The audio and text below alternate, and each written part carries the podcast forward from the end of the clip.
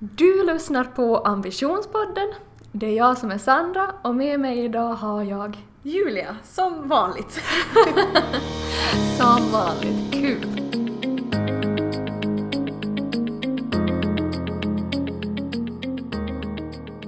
Idag så ska vi prata om att ta beslut. Yes! Hur känns det att prata om det ämnet?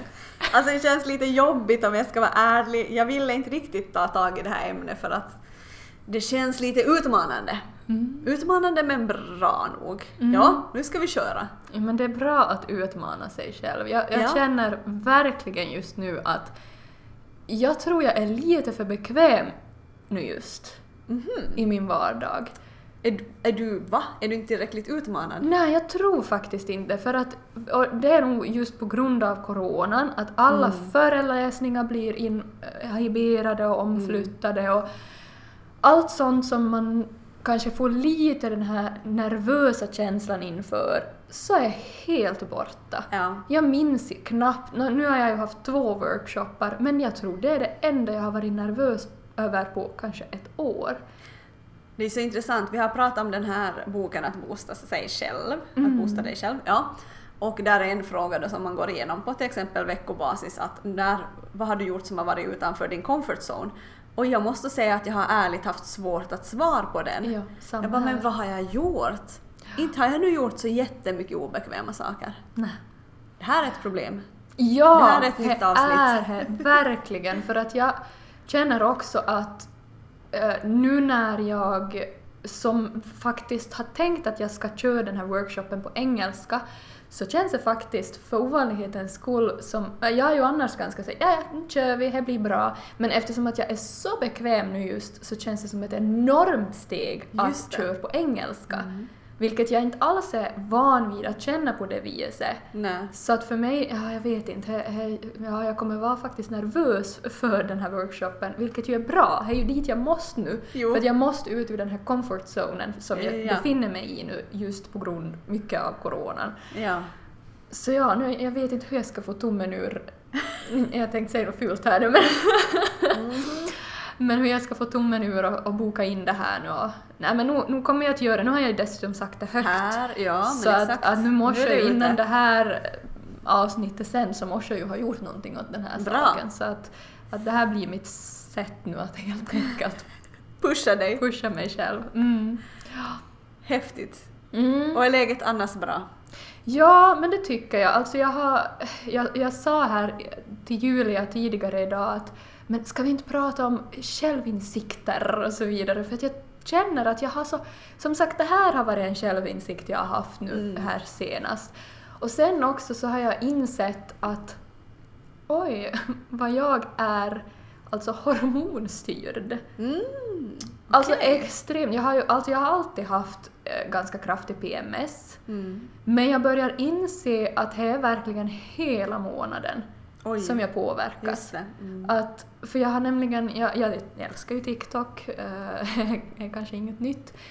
Men jag har börjat följa konton där faktiskt kvinnor jobbar utgående från sin Mm. hormonella cykel. Mm. Och det här tycker jag är så fascinerande och jag har faktiskt läst om att det här gjorde man faktiskt för tusentals år sedan, att samhällen var mera uppbyggda Mm. utgående från kvinnors cykler för att helt enkelt optimera tiden. Mm. Men det här har ju fallit bort och idag är det ju som knappt någon som... Alltså idag känns det ju snarare som att kvinnor knappt vet om hur mycket hormoner styr ens liv. Men alltså paus, paus, paus. Nu, låt mig få vara mannen i den här diskussionen, men jag har ju verkligen ingen aning om vad du pratar om. Eh, jag förstår inte, jag har trott att PMS är liksom påhittat som många män. Nej. Nej men alltså jag, jag känner inte alls igen mig. Vad betyder det här? På vilket sätt påverkar hormonerna dig? Mm. Alltså här som jag, jag, jag måste alltså säga, det här är ju en, en, ett nytt, någonting jag har märkt nu. Men jag går väldigt mycket alltså upp och ner i mitt humör och hur effektiv jag är. Okej. Och jag har aldrig alltså det här har aldrig slagit mig, men nu börjar jag ju inse att oj, det är ju ungefär fyra veckors mellanrum mellan hur jag, vilka humör jag har, hur effektiv jag är, vad jag tycker om att jobba med, var jag borde jobba mer tydligen under vissa veckor i månaden. Mm. Eller inte i månaden, men från min egen cykel. Och förlåt någon, vi har, jag vet ju att vi har faktiskt många män med det här, men jag tänker att... att Det är nog ingenting att be om förlåtelse Nej, jag tänker att, att man Det som man allas man, liv. Exakt, man har ju som man åtminstone kanske en syster eller mamma eller eh, fru eller någonting så att man är ju nog, det rör Mitt i alla. allt har man en tonårsdotter också som är väldigt relevant för. Exakt. Nej men i alla fall, så det här är en självinsikt jag har haft att okej att vissa veckor så har jag väldigt svårt till exempel att skapa content. Fota, ta bilder, filma, för att jag, alltså jag har absolut noll humör till att göra det. Medan vissa veckor har jag insett, eller det är som först nu som jag börjar se ett mönster, Ja. för att jag blivit medveten om det här.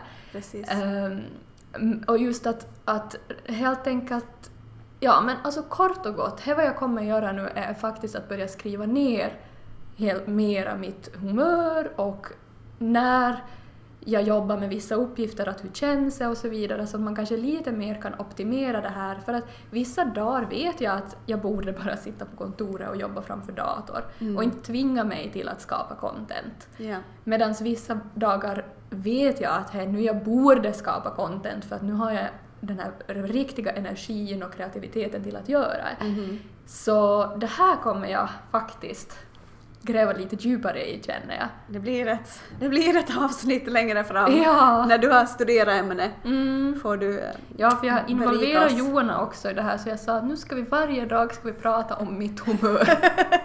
och fundera. Pratar ni om hans humör också? Nej, det finns inte så mycket att prata om. Det är samma ganska dag jämnt. ut. Ja, he, he, han är, ja, i det här avseendet är han nog väldigt mycket kar om man får dra alla män över en kam. Han är väldigt lugn, alltid. Det är som aldrig upp eller ner. Mm, jag förstår. Jag förstår. Mm. Mm, ja men intressant. det.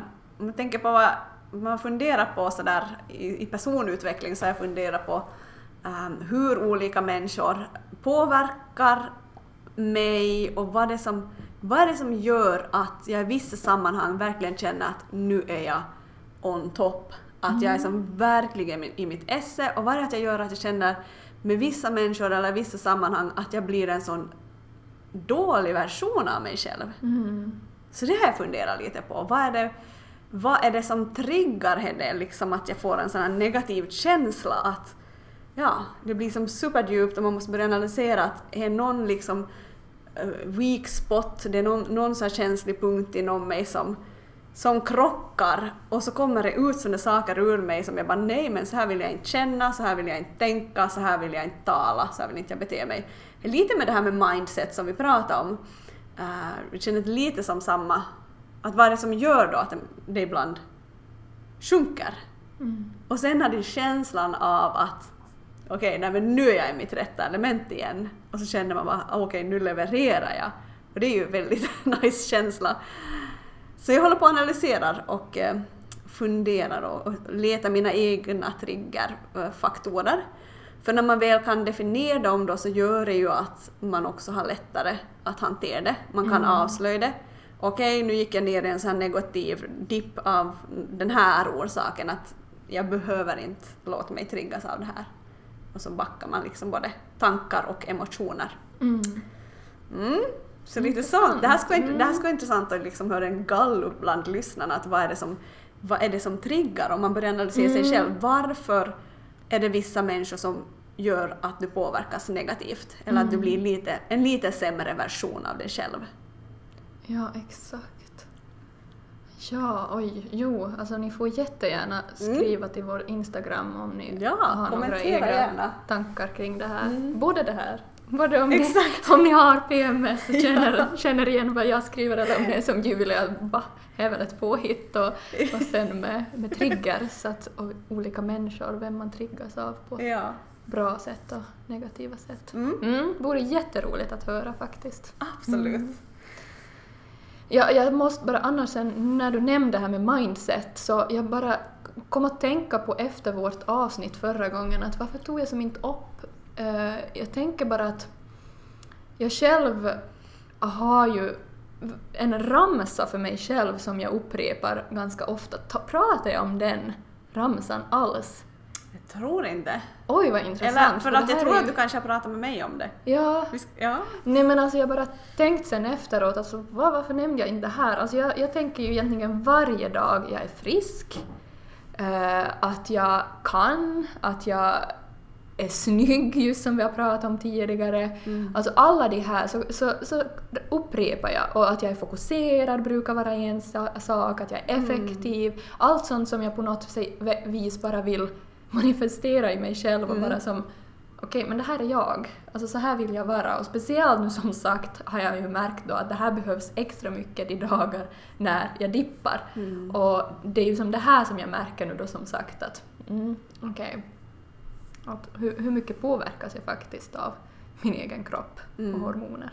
Men i alla Ja. fall, det här ville jag bara som säga som en, ett sidospår till förra avsnittet att jag tror väldigt hårt på det här med att upprepa det man Ja. vill dagligen. Mm. Alltså just sånt som man känner att, för jag vet ju tyvärr de flesta människor, till exempel om man tänker det här med utseende, är ganska lätt att man tänker att usch jag är så ful. Mm. Att de flesta människor har ju kanske den tendensen att Mm. gå dit. Ja.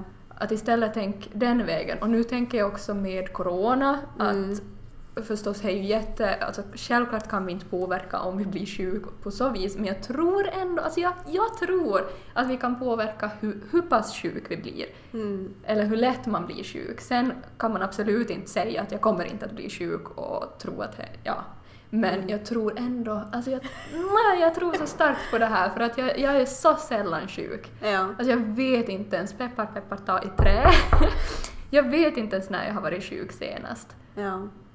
Och jag har jättelätt för att känner jag ens lite i halsen så bara upprepar jag är frisk, jag är frisk, jag är frisk, jag är frisk, jag är frisk, jag är frisk. Alltså om och om och om, om igen Mm. under hela den dagen. Och sen nästa dag bara, ah, jag är frisk. Alltså det är intressant. Jag, är Ja. som, jag vill nog prata om det för jag köper ju inte jag köper ju som sagt en del av konce- konceptet och inte hela konceptet. Mm. Nej. För det betyder att alla skulle kunna skylla sig själv för att de är sjuka. Och det, det kan ja, jag... jag nej, mm, jag, jag- jag så, så, så, jag vet ju att vissa drar det till den spetsen, att man, man är som skyldig till allt, Ja. precis som The Secret-boken Ja. eh, säger, men så är ju inte jag heller. Men Nej. däremot tror jag som ändå att vi kan påverka och att det påverkar vad vi Jag tror också påverkar, tänker. ja, påverkar vårt immunförsvar och liksom bara, Mm. ja. Det tror jag nog också gör och, och där handlar ju mycket om det här med, med tankebanor och, Mm. och vad vi har lärt vår hjärna då att tänka och vilka mönster vi har skapat i, vår hjärna. Det här skulle jag gärna då studera mer kring för att det, ja, det är så spännande. Mm, Uh, och där är ju en sak som många då stämplar sig som, är att man är dålig att ta beslut Ja. jättevanligt stämpel och jättevanlig tankebana att "Nej, men jag, jag vet inte, jag kan inte riktigt ta beslut. Mm. Ehm, men Sandra, är du bra på att ta beslut? Ja. Det är ju superspännande. Ja, nej, men det tycker jag nog absolut. Klart att, man, att vi alla säkert lider av problem av att dra, ta beslut. Jag, jag, jag satt faktiskt och tänkt här att... Fast jag tror inte att alla gör det. Gör inte Men, men Ja, förlåt, jag avbröt dig. Ja, jag vet inte. Men, nej, men jag tänker bara, jag är ganska bra på att ta beslut, men sen kan jag ha så här jättelöjliga problem som till exempel, jag kan, om jag jobbar till exempel hemifrån då, eller, eller fast här på kontoret, och så blir jag väldigt sugen på en Celsius. Ja. Så, men så har jag jättesvårt att ta det här beslutet, ska jag nu faktiskt gå och hämta eller köpa en eller inte? Och det här kan liksom ta en timme att ta det här beslutet. Så där mitt i allt kan jag ha sån, sån, sån liksom, ska jag nu eller ska jag inte? Och, åh, nu hade jag ju planerat, för, för jag ville inte dricka om inte jag ska träna sen på kvällen. Eh, Så då är det också, om jag till exempel har tänkt då egentligen att jag skulle ha en vilodag, så då blir det ju som att men då måste jag ju fara och träna också. Så då håller jag på sådär i en timme eller två. Ja, precis. Bara gällande en liten burk Ja. Celsius. Mhm. Men sen när det kommer mer till så större beslut och, och gällande jobb och sånt så då tycker jag inte att jag har Nej. desto större problem att ta beslut. Mm. Ja, det är ju intressant för att det verkligen finns också en, en grupp av människor som är väldigt bra på att ta beslut och tar väldigt snabba beslut ehm, som ju också kan ha andra utmaningar. Men nu ska vi inte hoppa dit ännu. Vi, Nej. nej, nej, nej, nu måste vi, nu måste vi Utgångsläge är att vi vill ta beslut och att det är någonting positivt att ta beslut och eh, därför är vårt första utgångspunkt, vad är utmaningarna med att ta beslut? Vad är det som gör att människor tvekar? Ehm, jag jobbar nog ständigt med det här, att ta beslut. Jag har lätt för att bli överanalytisk och börja väga saker eh, för och mot varandra. Och, ja, alltså jag måste som push mig själv. Okej, nu tar jag bara ett beslut, nu bestämmer jag det här. Och ehm, ibland tillåter jag mig att tänka lite längre och ibland så gör jag inte det. Men jag, jag försöker bli bättre, men jag vill inte ändå köra över mig själv för mycket, för jag tycker inte heller att det är en bra grej. Nej. Ehm, så att de ändå får vara till en viss del genomtänkta, men inte så mycket som mitt spontana jag kanske, eller som jag i grunden skulle vilja tänka och analysera och jämföra och mäta och da, da, da, da. Ja, kära värld. Ja, så vad är då utmaningarna med att fatta beslut? Vad är det som gör att man inte gör det så snabbt och effektivt? Mm. Du kanske inte känner igen dig i någonting av det här? Jag vet inte. Jag vet inte. Vi har ju nog sammanställt det här materialet tillsammans så vi får se om det är sådär but, but what? um, men det första som, som jag tänkte på är den här uh, egentligen rädslan för att ta fel beslut. Mm. Att det blir ju den stora, alltså jag antar att det kanske är den, det som gör att folk vanligtvis tvekar i allra största grad. Mm. Vad om jag tar fel beslut? Vad om jag liksom... Ja. Vilket, vilket tåg ska jag ta hem från Helsingfors? Ska jag åka hem på lördag eller ska jag åka hem på söndag? Vad missar jag om jag far hem på lördag och inte kan göra någonting roligt där då? Eller om jag åker hem på lördag då får jag som en extra vilodag hemma innan det är en ny arbetsvecka. Och så kan det som, varför ser det så förskräckt ut? Är det här någonting man kan ha problem att besluta gällande? Nej, kära värld. Alltså det här var ju som bara ett, en liksom, det här var bara ett exempel på... Men ja!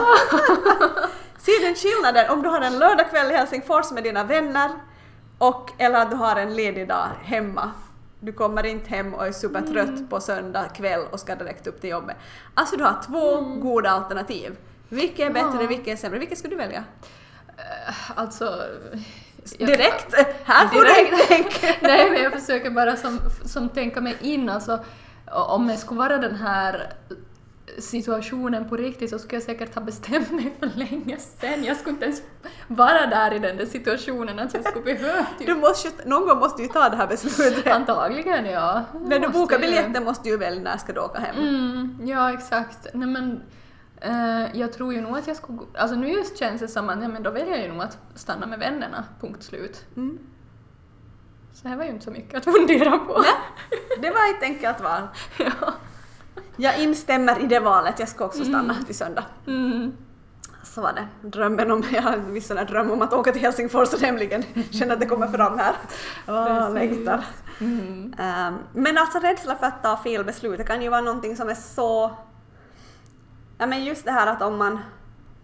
Alltså om man väljer en sak så väljer man ju automatiskt bort allt annat. Och Ja. det kan vara när man ska välja vad man ska studera, det kan vara när man, alltså, när man går in i en relation, vill jag gå in i den här relationen, eller också redan när man är inne i den, är det den här relationen jag vill ha, då exkluderar jag alla andra alternativ. Du, du, du. Uh, vad som helst, jag tänker som när jag skulle starta företag att okej men alltså om jag startar, alltså jag kan ju som inte starta tio olika företag direkt att jag måste ju välja någonting och så måste jag göra det. Men eftersom jag inte hade det här självklara valet att jag ska bli Alltså att jag, har inte en utbildning som, nej men som grafiker då så blir jag grafisk designer och that's it eller, eller um, whatever för konkret som man kan göra i sin business. Och jag hade inte den bakgrunden utan jag behöver faktiskt skapa någonting från scratch då.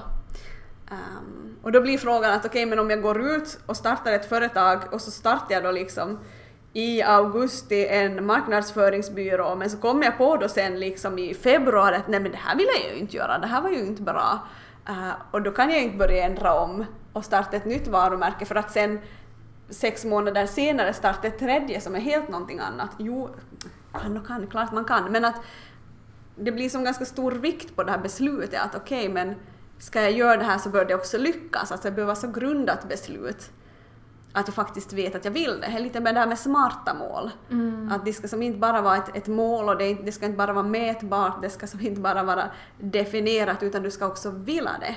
Vilja det här tillräckligt mycket så att jag är beredd att ta bort alla andra grejer. Mm. Jag tror att där liksom ligger ofta det osäkerheten att vad vill jag på riktigt? Var vill jag på riktigt bo? Vad vill jag på riktigt jobba med? Vem vill jag på riktigt leva med? Uh, och sen då till mindre frågor. Mm. Om jag köper en Audi så kan jag inte köpa en BMW, utan då har jag den här Audin. Och då ska jag vara mm. nöjd med den och så ska jag inte störa mig när jag ser en skitsnygg BMW. Förstår du? Jag jo, jo, jo, Hallå, förstår du Sandra? Jo, nej, men den här förstår jag nog för att jag har ju ett ganska bra exempel själv och det är ju det här med att åka till Stockholm eller inte.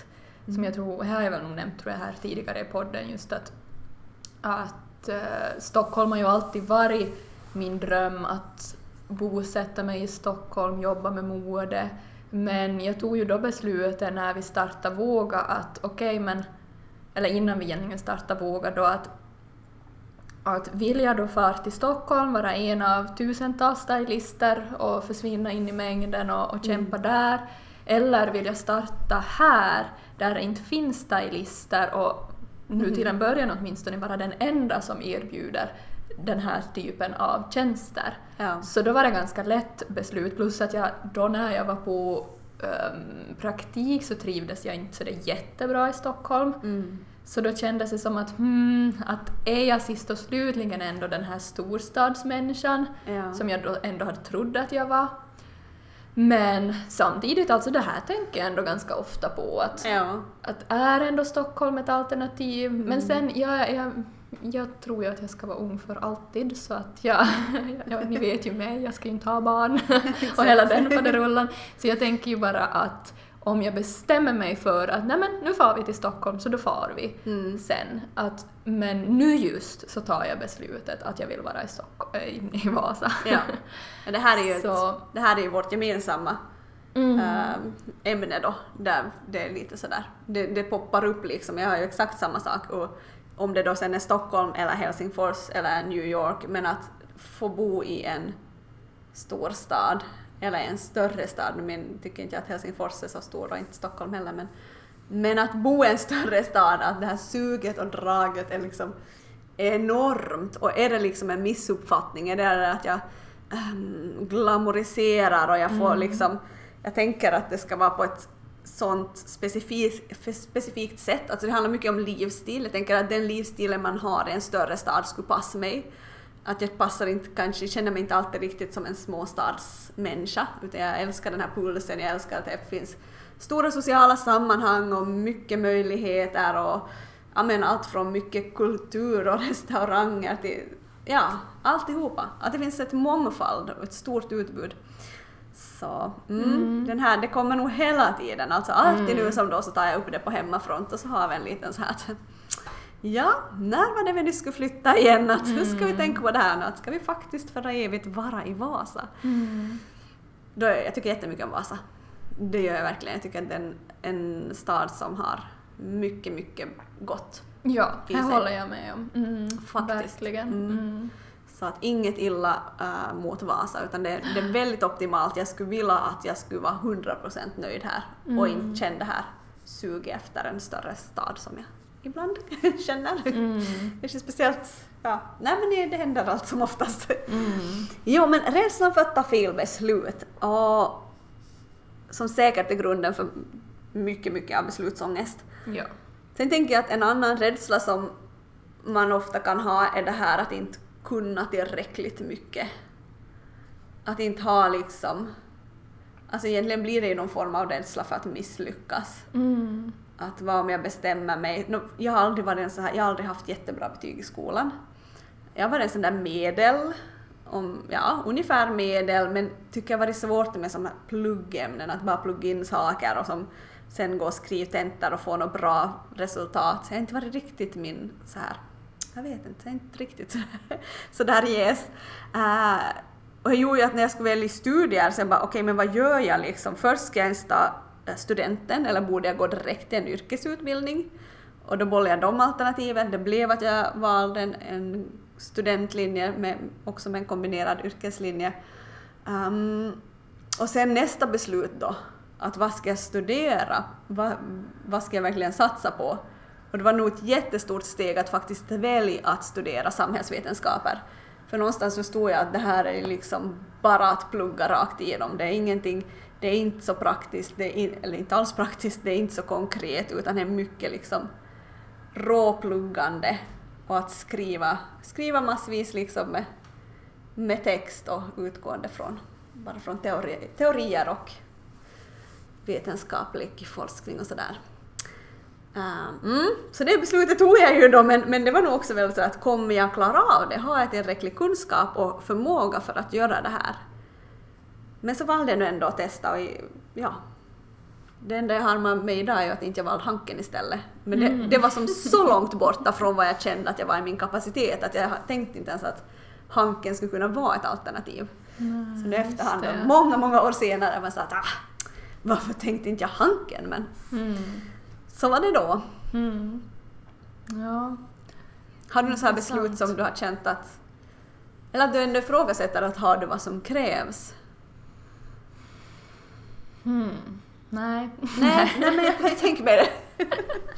Jag är inte överraskad. nej, nej, inte känns det som att... Alltså i så fall skulle det nog måste handla om att jag skulle... Alltså om jag tänker att jag idag skulle byta bana helt, mm. då kanske jag skulle ändå...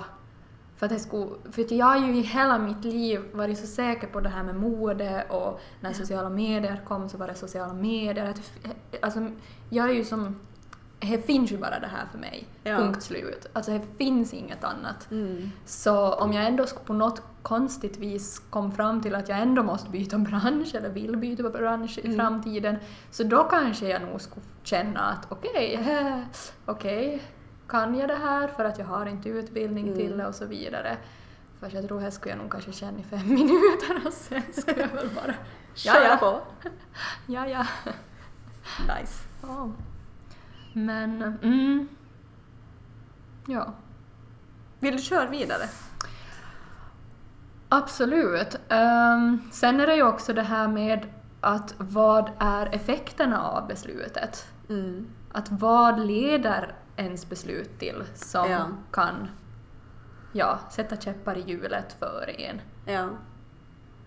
Att uh, jag tänker bara just att speciellt om man Ja men just om man tänker det här nu som vi ändå har varit inne på, att, att välja en utbildning kanske till en mm. annan stad eller just välja mm. att flytta eller inte, att vad missar man här, vad missar ja. man om man inte far? Ja. Alltså vad är konsekvenserna? Det är och, helt omöjligt att förutspå. Exakt, och sen speciellt förstås om det handlar om andra människor. Mm. Att vad är effekterna? Jag kan tänka mig det här är någonting som påverkar kanske parrelationer, att man kanske tänker att när man vill gå vidare men sen väljer man ändå att, att väga upp det här men hur går det för min partner om jag lämnar min partner? Mm. Att vad ska hända med, med han eller hon då? Mm. Att kanske man låter det påverka ja. mera än vad man själv vill. Ja. Det kan jag tänka mig att... Plus alla andra relationer som börjar lida. Ja. Alltså man kanske har blivit ett med familjen, familjen. man har massa gemensamma mm. vänner som man vet att kommer att dela upp sig då och så vidare. Så att det är ju ett jättestort beslut. Verkligen. Som inte varken du eller jag har några stora erfarenheter av. Nej, Nej tack och lov. Men ja, man har väldigt stor förståelse för att det är ett, ja, ett jättestort beslut. ett stort beslut. Ja, verkligen. Mm. Mm. Och någonting som, för att underlätta det här att man ska som pressa sig då till att ta beslut så är ju prokrastinering av alla all form är ju också väldigt vanligt att vända sig till att nej men okej, jag, jag skjuter på det här beslutet. Mm. Vilket är ganska dumt för då lämnar det och gnag och tar ja. energi. Um, jag har ju mitt det här med att bli mäklare, det är ju ett sånt här som jag har jag har som rivit bort plåstret. Att jag som under så många år tänkt att ja, men jag kommer nog någon dag att vara mäklare. Att det, är som, det är lite sådär självskrivet att jag älskar bostadsbranschen och jag älskar sälj och ja, jag tycker att det skulle vara intressant, jag kan se mycket potential när jag går in i ett, ett hus eller en byggnad, eller alltså jag ser liksom vad man skulle kunna göra. Uh, jag skulle göra det jättebra. Uh, men så finns det jättemånga downsides uh, som inte jag är beredd att... Eller finns ett pris att betala som inte jag är beredd att betala Mm. för att vara mäklare, alltså att jobba dygnet runt och alltid vara anträffbar och alltid att jobba kvällar och helger. Mm. Och det, det kommer jag inte att göra i det här skedet av livet. Så därför har jag dragit bort det där plåstret, men det tog ju nog många, många år innan jag var såhär okej, jag släpper det, jag ska inte bli mäklare. nu, nu måste jag bara så, vara realistisk. Och det kan vara ganska skönt Mm. att bara ta de här besluten. Och, men nu har ni köpt lägenhet och kanske tagit ett lite större beslut att stanna i Vasa. Mm. Att klart att ni kan sälja eller ni kan hyra ut och få vidare men att man, man gör någonting och, och vi funderar på det här med husköpande att nu blir ju rötterna hela tiden lite djupare då att okej men Mm. nu är vi här, jo vi kan hyra ut sen eller vi kan också sälja sen om, om vi ska vidare men men prokrastinering är ju ett sätt att komma förbi att börja ta beslut. Mm. Hur gör du när du går eh, på restaurang? Nej, du har ju så mycket dieter och Ja. allergier och skit. Ja exakt, jag har så mycket så jag behöver inte ta beslut heller. Nej, någon annan tar det för dig. Eh, nej men faktiskt där, där för ändå intressant. Jag är nog oftast den som, alltså om jag kan så tar jag samma som de andra. Eh, Okej. För där är jag som sådär, jag orkar, alltså för mig känns det så oviktigt på något vis det här med vad jag ska äta. Att jag tänker att nej men jag, jag kan ju få världens matupplevelse om jag tar det vad de andra tar, så länge inte är getost. Ja, förstås. Eller halloumi som luktar getost. halloumi som luktar. Mm. Eh, så länge inte är något sånt så då, då är jag ändå sådär, ja men då kan jag väl få världens upplevelse här, Mm. att, att jag kan hitta någonting som jag älskar, vem Mm. vet? Och här har jag ju märkt också att oftast när man vågar testa någonting nytt så i matväg så blir man ju Mm. oftast positivt överraskad. Ja, visst. Så därför är jag inte sådär att jag... Ja, men sen om jag däremot kommer in på en restaurang och jag, jag ser ganska snabbt att men det här vill jag ha, så då är jag som sådär, men då är det här jag ska ha. Ja, precis. Men sen alltid när, när det kommer in maten så absolut kan jag känna att mm, det ser ju nog godare ut den här Ja. grannens. Mm, det gör ju här. Exakt. Men inte skulle jag någon, någon gång he- å- ångra mi- mitt beslut till mat. Men, Ja. men det här... Ja, Jag tycker det är mm, intressant hur de här små sakerna ändå kan vara lite, Ja, lite laddade på något, något sätt. Jag hade en kompis som för många år sedan så, så ville han jobba med sin beslutsångest så då bestämde han sig att han alltid skulle ta snabba beslut när han just skulle beställa mat och här grejer. Jag har tyvärr inte uppföljningen hur det gick. Jag vet ju att han höll på med det då en tid men jag vet inte hur resultatet blev nu som många år senare. Oj, man skulle så vilja höra Ja, hur det gick. verkligen. Jag måste fiska fram det här. Ja. Men äh, det kan ju vara ett bra sätt att Mm. jobba med det också. ja, absolut. Alltså är man... No, vi kommer ju gå in på det här med tips för att ta Ja. snabba beslut, men här kom ju ändå ett ganska bra konkret tips, är ju verkligen att i sådana enkla situa- situationer som att välja mat Ja, på menyn, alltså bestäm att, att du får läsa igenom, igenom ett varv och sen tar du ett beslut. ja. Exakt. inte att man sitter då och väljer mellan olika alternativ utan att man... Men det där hur snabbt man läser igenom är också en ganska stor skillnad. Jo, sant! Jag bara vänta jag måste läsa och jag avskyr de här menyerna som inte har någonting, alltså det finns ingenting visuellt. Nej, så måste jag vet. som sitta och läsa och bara Läs. vad Mm. tusan betyder det här? Jag förstår inte. Och så blir jag irriterad för att jag måste ha ett ogrundat beslut. Jag vill Mm. veta vad jag, vad jag beställer in. Sen vill jag alltid testa på nya saker så det, det är ju bara nice men, Mm. men ja, man vill ju inte få någonting riktigt skit. Nej. Nej, exakt. Men alltså när man kollar, när man ähm, studerar lite det här med beslutsfattande och, och kollar upp lite så, så återkommer en så här sjupunktslista för hur man ska ta beslut. Ja. Ehm, vi kommer sen att gå in på det här med att ta effektiva beslut för här, jag tror faktiskt att det är liksom en nyckel till framgång. jag bara, vad ska jag säga för klyschigt men nyckel till framgång, lär dig ta snabba beslut. Eh, men det här är en besluts... eh, vad ska jag säga, det är trappstegsmodell för att ta beslut. Och eh, vi kommer att nämna den, inte gå så djupt in på den. Nej. För jag tror att vi båda var lite så att ja, okej, men vi nämner den. och det första då är att du behöver identifiera vilket beslut som ska fattas. Mm. Och, och sen då att börja liksom samla information. Vad, vilken, vilken typ av information behöver du ha in för att kunna ta det här beslutet? Det är nummer två. Och sen nummer tre är att då börja identifiera, uh, identifiera, sa jag det? Jo, Mm. jo faktiskt. identifiera alternativen. Okej, här är det här kan du göra eller så kan du göra det eller det där. Nu har vi då tre alternativ. Och, och sen börja utvärdera alternativen. Och någonstans tänker jag ju att det är kanske det här som är utmaningen. Nu kan man ju som inse vilka beslut som ska tas, samla in informationen och sen göra upp liksom att okej, här är olika alternativ. Men att sen faktiskt värdera dem, att vilket beslut är bättre än det andra. Det är ju där man snurrar kring, skulle jag tänka. Mm. Och nummer fem då är att välja, ta det där beslutet. Nummer sex är att agera utgående från det. Och nummer sju, vilket jättemånga sajter pratar om, eh, handlar om att utvärdera beslutet. Det tycker jag är intressant, för där känner jag nog att oj, brukar jag göra det? Jag kan inte så spontant känna att det är någonting som jag gör ofta. Inte jag heller. Nej, no, absolut inte. absolut inte. Att jag kan ju ändå utvärdera till en viss del och sådär. Mm. Men, men jag kan ju också känna att vad, på vilket sätt är det värt att utvärdera? Mm. Och vad, vad gagnar det mig att jag utvärderar det här beslutet? Kommer jag göra ett bättre beslut då nästa gång? För nu har man ju ändå alltid en känsla av att okej, var det här bra eller var det här dåligt? Ehm, tror jag. Mm. Jo, nej men absolut. Absolut, för jag menar, ja, tar man så att säga då inom situationstecken fel beslut så måste man ju förstå att vä- välja om eller försöka, Mm. om det går, alltså Ja. att rätta till sitt beslut. Ja men exakt. Mm. Men jag Mm. tänkte bara säga nu med den här, alltså jag tycker ju att, eller jag tror att det som skulle vara bra när man kör den här sjustegs stegen, att man faktiskt skriver ner det på papper.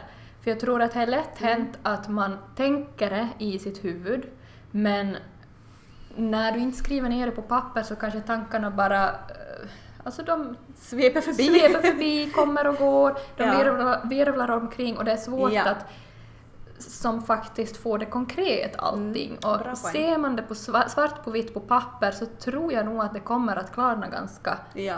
ganska snabbt. Och sen ett annat, jag vet att jag har pratat om det här i, i många andra sammanhang, eller ja, poddavsnitt, och det är ju att prata med någon. Mm. Alltså säga det högt, för att Ja. det är så många, alltså jag vet inte hur många gånger, nu kan jag förstås inte ge något exempel, men alltså så många gånger som jag har funderat på någonting och tänkt på det så länge och bara hmm. Mm. Och sen direkt när jag säger det högt Mm. så är det som att nej men nu vet jag. Jag har lösningen på mitt problem, jag har ett beslut. Att jag, alltså varför har jag inte ens funderat på det här? För att det var ju så självklart när jag Ja. väl sa det högt. Ja. Men det är som att ibland måste vi bara säga de här orden högt för Mm. att det ska som klarna. Ja. Att det är som att när det är där inne i skallen så, Mm. så är det som att man bara inte får det som Ja. någonting att ta på. Nej men visst.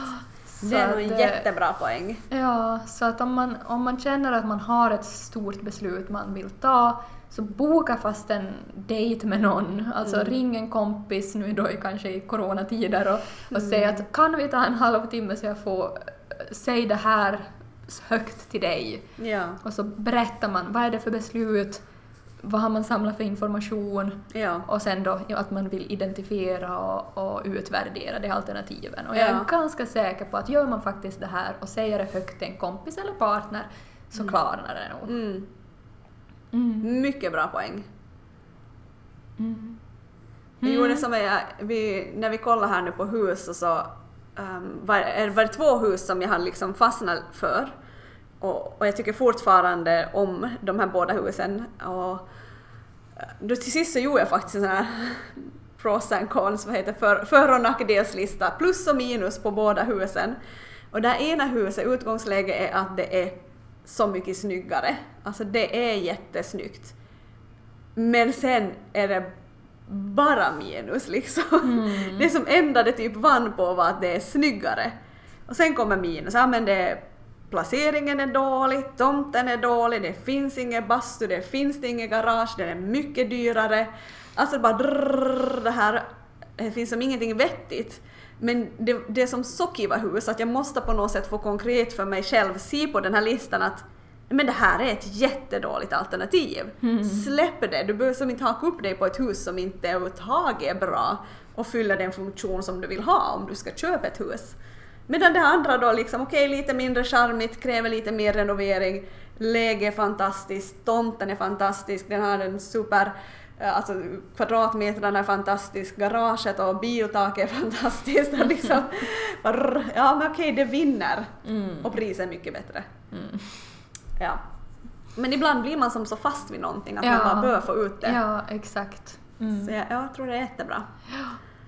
Och där kan man ju tänka att man som behöver, om man ska analysera då de här olika alternativen, att gör upp en lista just med vad är positivt och vad är negativt. Och, eh, sen kan det vara vissa beslut som, förstås vi som är i parrelationer och sånt, att, att det kan påverka jättemycket eh, andra, Andra. människor. Mm. Eh, Men inte bara parrelationer, jag tänker att mycket handlar ju om ens familjerelationer.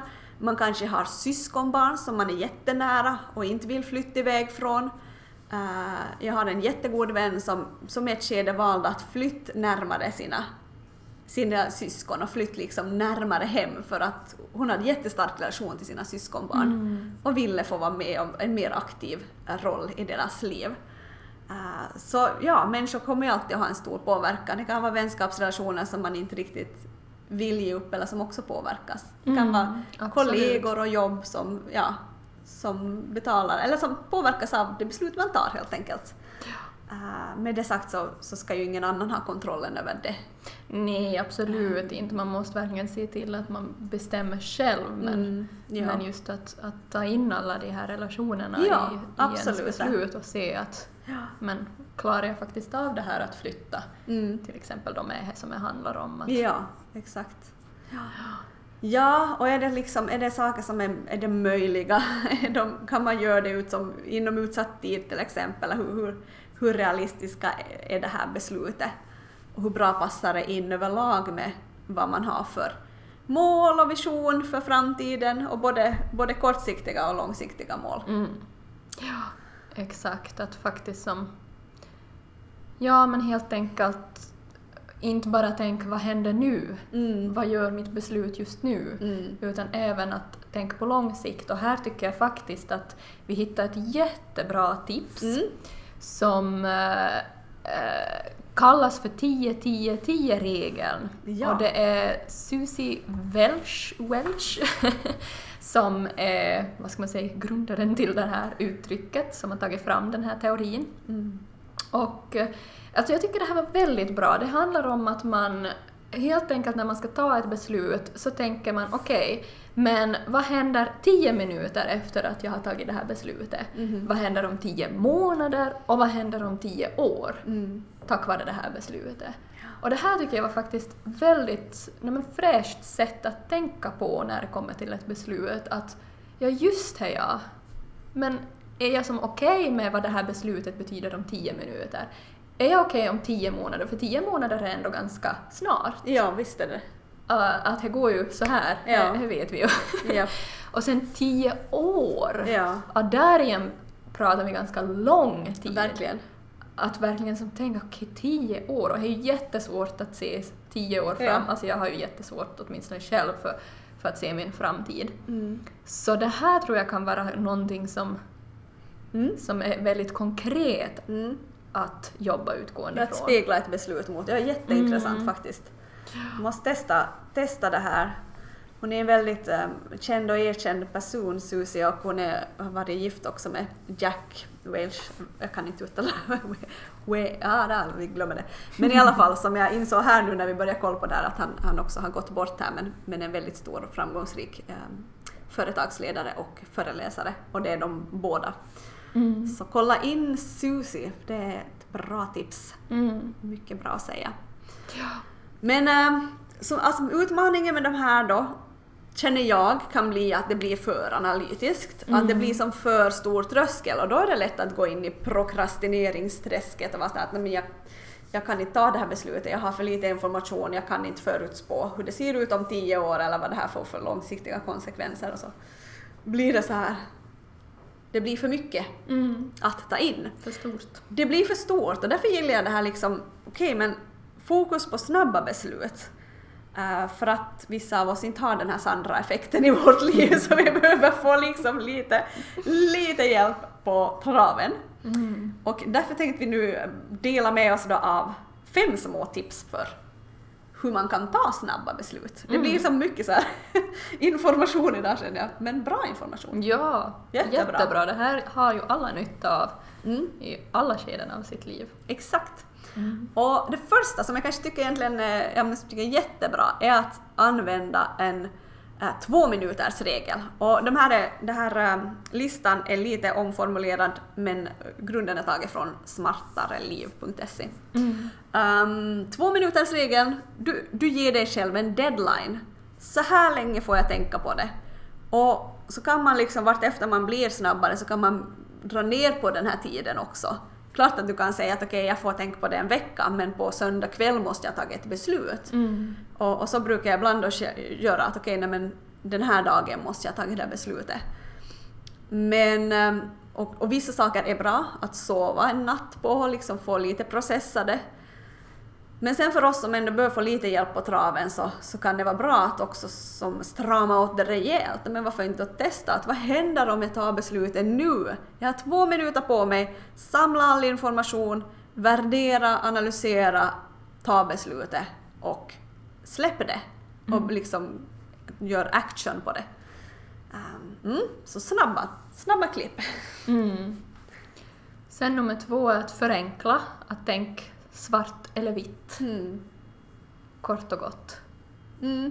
Alltså man gör inte, man, man får som inte se nyanserna, man får inte se liksom de här eventuella alternativen, utan det ska vara väldigt så här uppdelat. Okej, det här för mig hitåt och det andra för mig ditåt.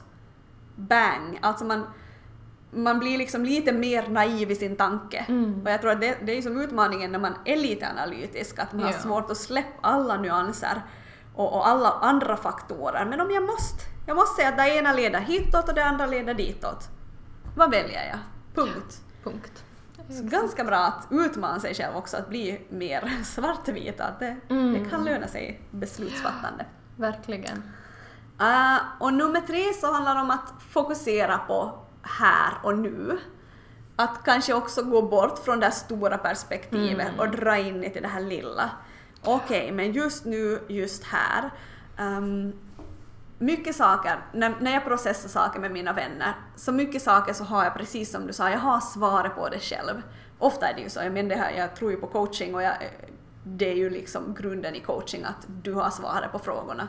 Jag kan ställa en fråga men du kommer att ha sitt på svaret och du måste själv kom till insikt. Det hjälper inte att någon annan säger åt dig att göra så här. Nej. För vi köper inte det, vi äger inte beslutet och vi kommer inte att agera utgående från det. Det blir inte bra. Du måste själv komma fram till ett beslut. Eh, och, och där tror jag kan vara bra att liksom bara fokusera här och nu. Om jag måste det, men det brukar jag fråga också av, av vänner och, och när, jag, när jag som coachar folk och vi har de här diskussionerna. Okej, men vad, om du nu bestämmer, vad, hur ser din höst ut? Om du nu måste ha beslutet. Mm. Du får inga mer information. Du vet ingenting. Du vet inte om du har ett jobb i Stockholm eller inte som du kan få till. Du vet inte om du har ett jobb här eller inte. Men du måste välja nu. Välj. Och ofta har man ju ett svar. Ja. Som till och med kanske väger ganska tungt och är Mm. ganska rotat i en. Men man vill inte säga det förrän man har tusen andra liksom, tankar och öppningar och alternativ och eventuella scenarion. Men om du måste, det är lite det där svartvita. Fokuserat här och nu. Nu väljer du. Okej. Ja, exakt. Och sen nummer fyra, våga tänk, tänka tanken på att välja fel. Ja. Alltså det här tror jag nog, många är ju så rädd för att välja fel. Ja. Att man låser sig i just det att nej men tänk om jag väljer fel, att då är det bättre att inte ta något beslut. Men här vill jag säga nej, nej, nej. ja men jag instämmer. Nej, nej, nej! Helt och hållet. Våga välja, för att alltså, här, jag tror vi har citerat Michelle tidigare. Ursäkta, vi, det knackade på dörren här när vi satt i, vi sitter nämligen i köket på hubben och eh, här kan det komma och gå lite människor nu som då. Exakt, så så det kom kaffegäster. ja.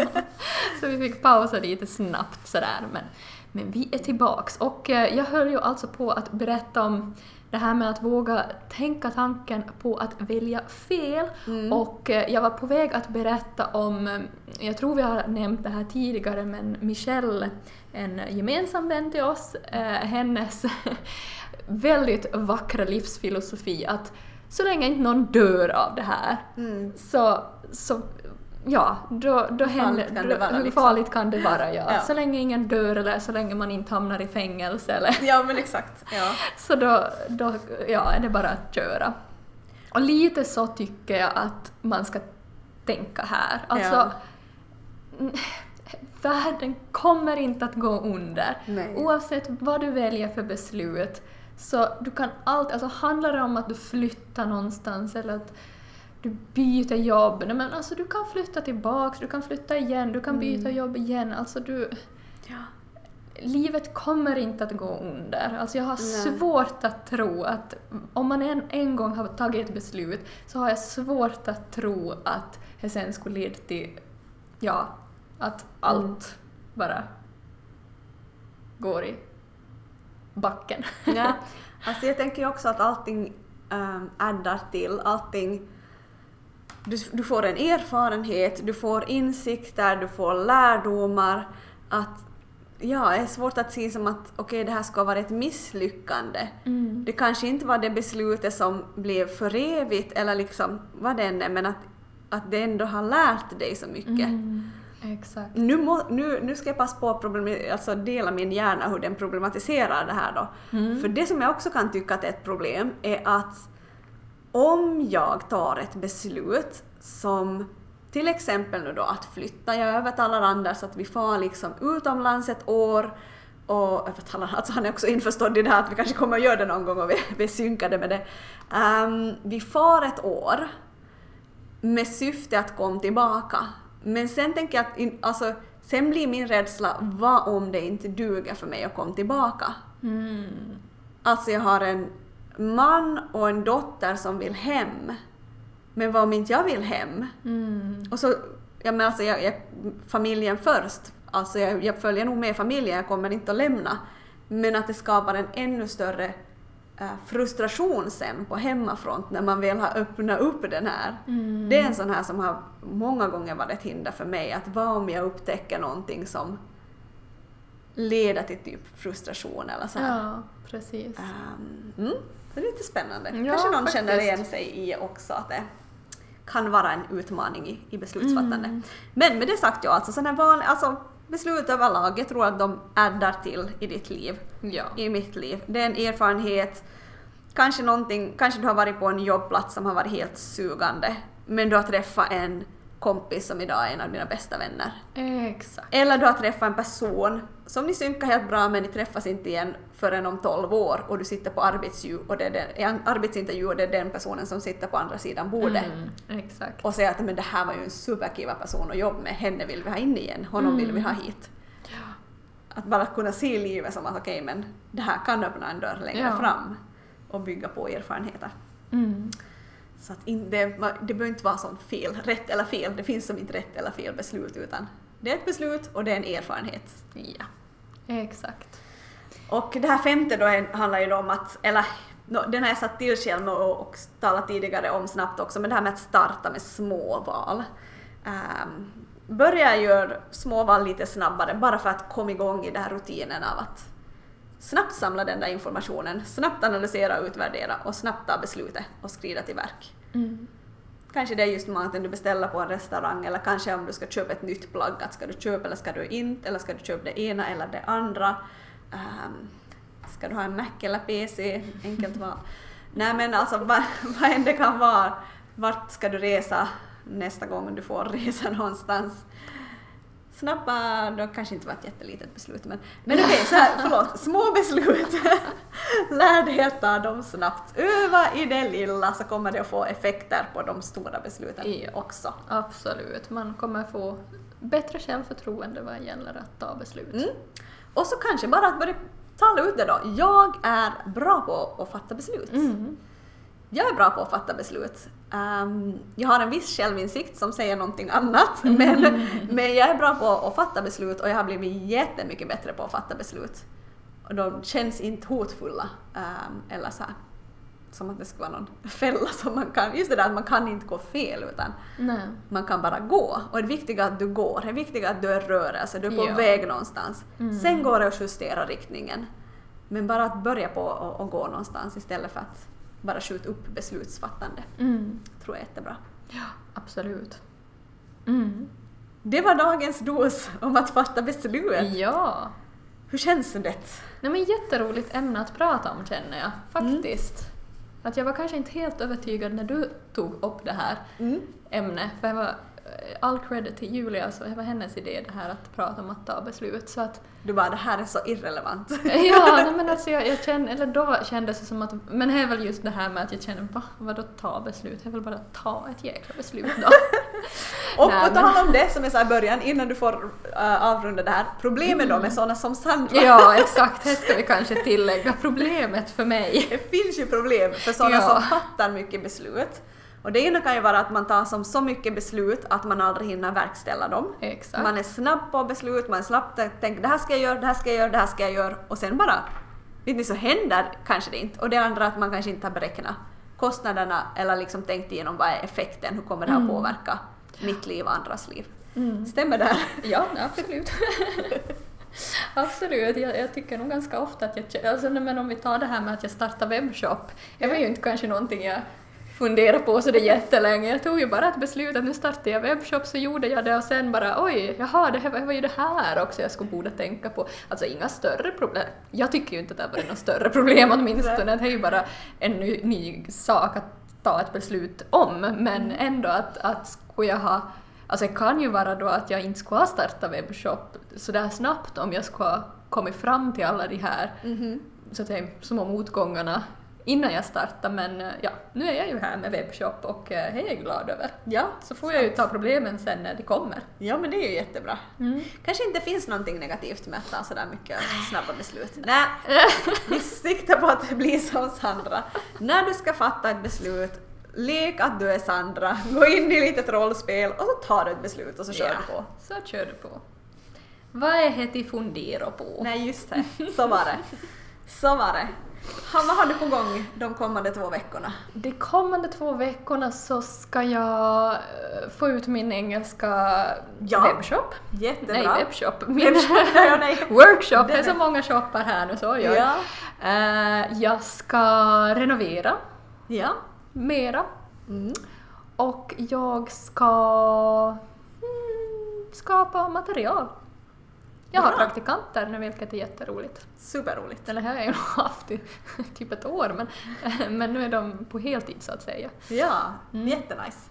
Kul. Jätteroligt. Mm. Du då? Ja, jag ska gå klart min Hanken-kurs som jag har hållit på med nu några månader i, i så här tillväxt, venture growth, hållbar tillväxt i företagande. Och ehm, så ska jag ha också en workshop om dryga två veckor i sociala medier och att bygga varumärke där vi fokuserar på att skapa det här innehållet och att hjälpa, hjälpa varandra att skapa i, i relevant innehåll. Och eh, så ska jag, mm, vi ska ha husvisning, eller lägenhets, vad vi nu ska kalla radhus, radhusvisning igen. Spännande. Det är riktigt nice och ja, det är lite smått och gott. Jag ska börja jobba på en ny hemsida åt mig och allt möjligt. Ja. Mm. Härligt, härligt. Nej men, vi har trevliga veckor på kommande då. Ja, exakt. Ja, kul att ni har varit med idag. Ursäkta min disträ, jag börjar läsa i min kalender. Jag ska inte göra när man poddar. Ja. Jag tappar min tråd, men vi, Det är härliga veckor framöver, det ljusnar, det blir småningom ja. vår även om det just idag och de tidigare dagarna råkar vara svinkallt igen. Svinkallt, ja. Men Mm. eh, snart är det vår och då sjunger min själ. Ja, eh, jag tycker att ni kan berätta om några beslut ni tar här efter att ni har hört den här podden. Det vore jätteroligt att, att höra. Ja. För jag, jag tror ju förstås att efter att alla har hört det här avsnittet så då, då kommer de ta helt jättesuperbra beslut om allt möjligt. härligt. Och bara se att om det inte blir som de tänker så, så är det bara en lärdom. Så uppdatera oss gärna med hur det går. Ja. vore jätteintressant. Verkligen. Och eh, annars får ni nog bara ha en helt fantastisk tid, två veckor, ja, tills vi hörs igen. verkligen. Ha det super så återkommer vi. Ha det bra! Tack och hej! Hejdå!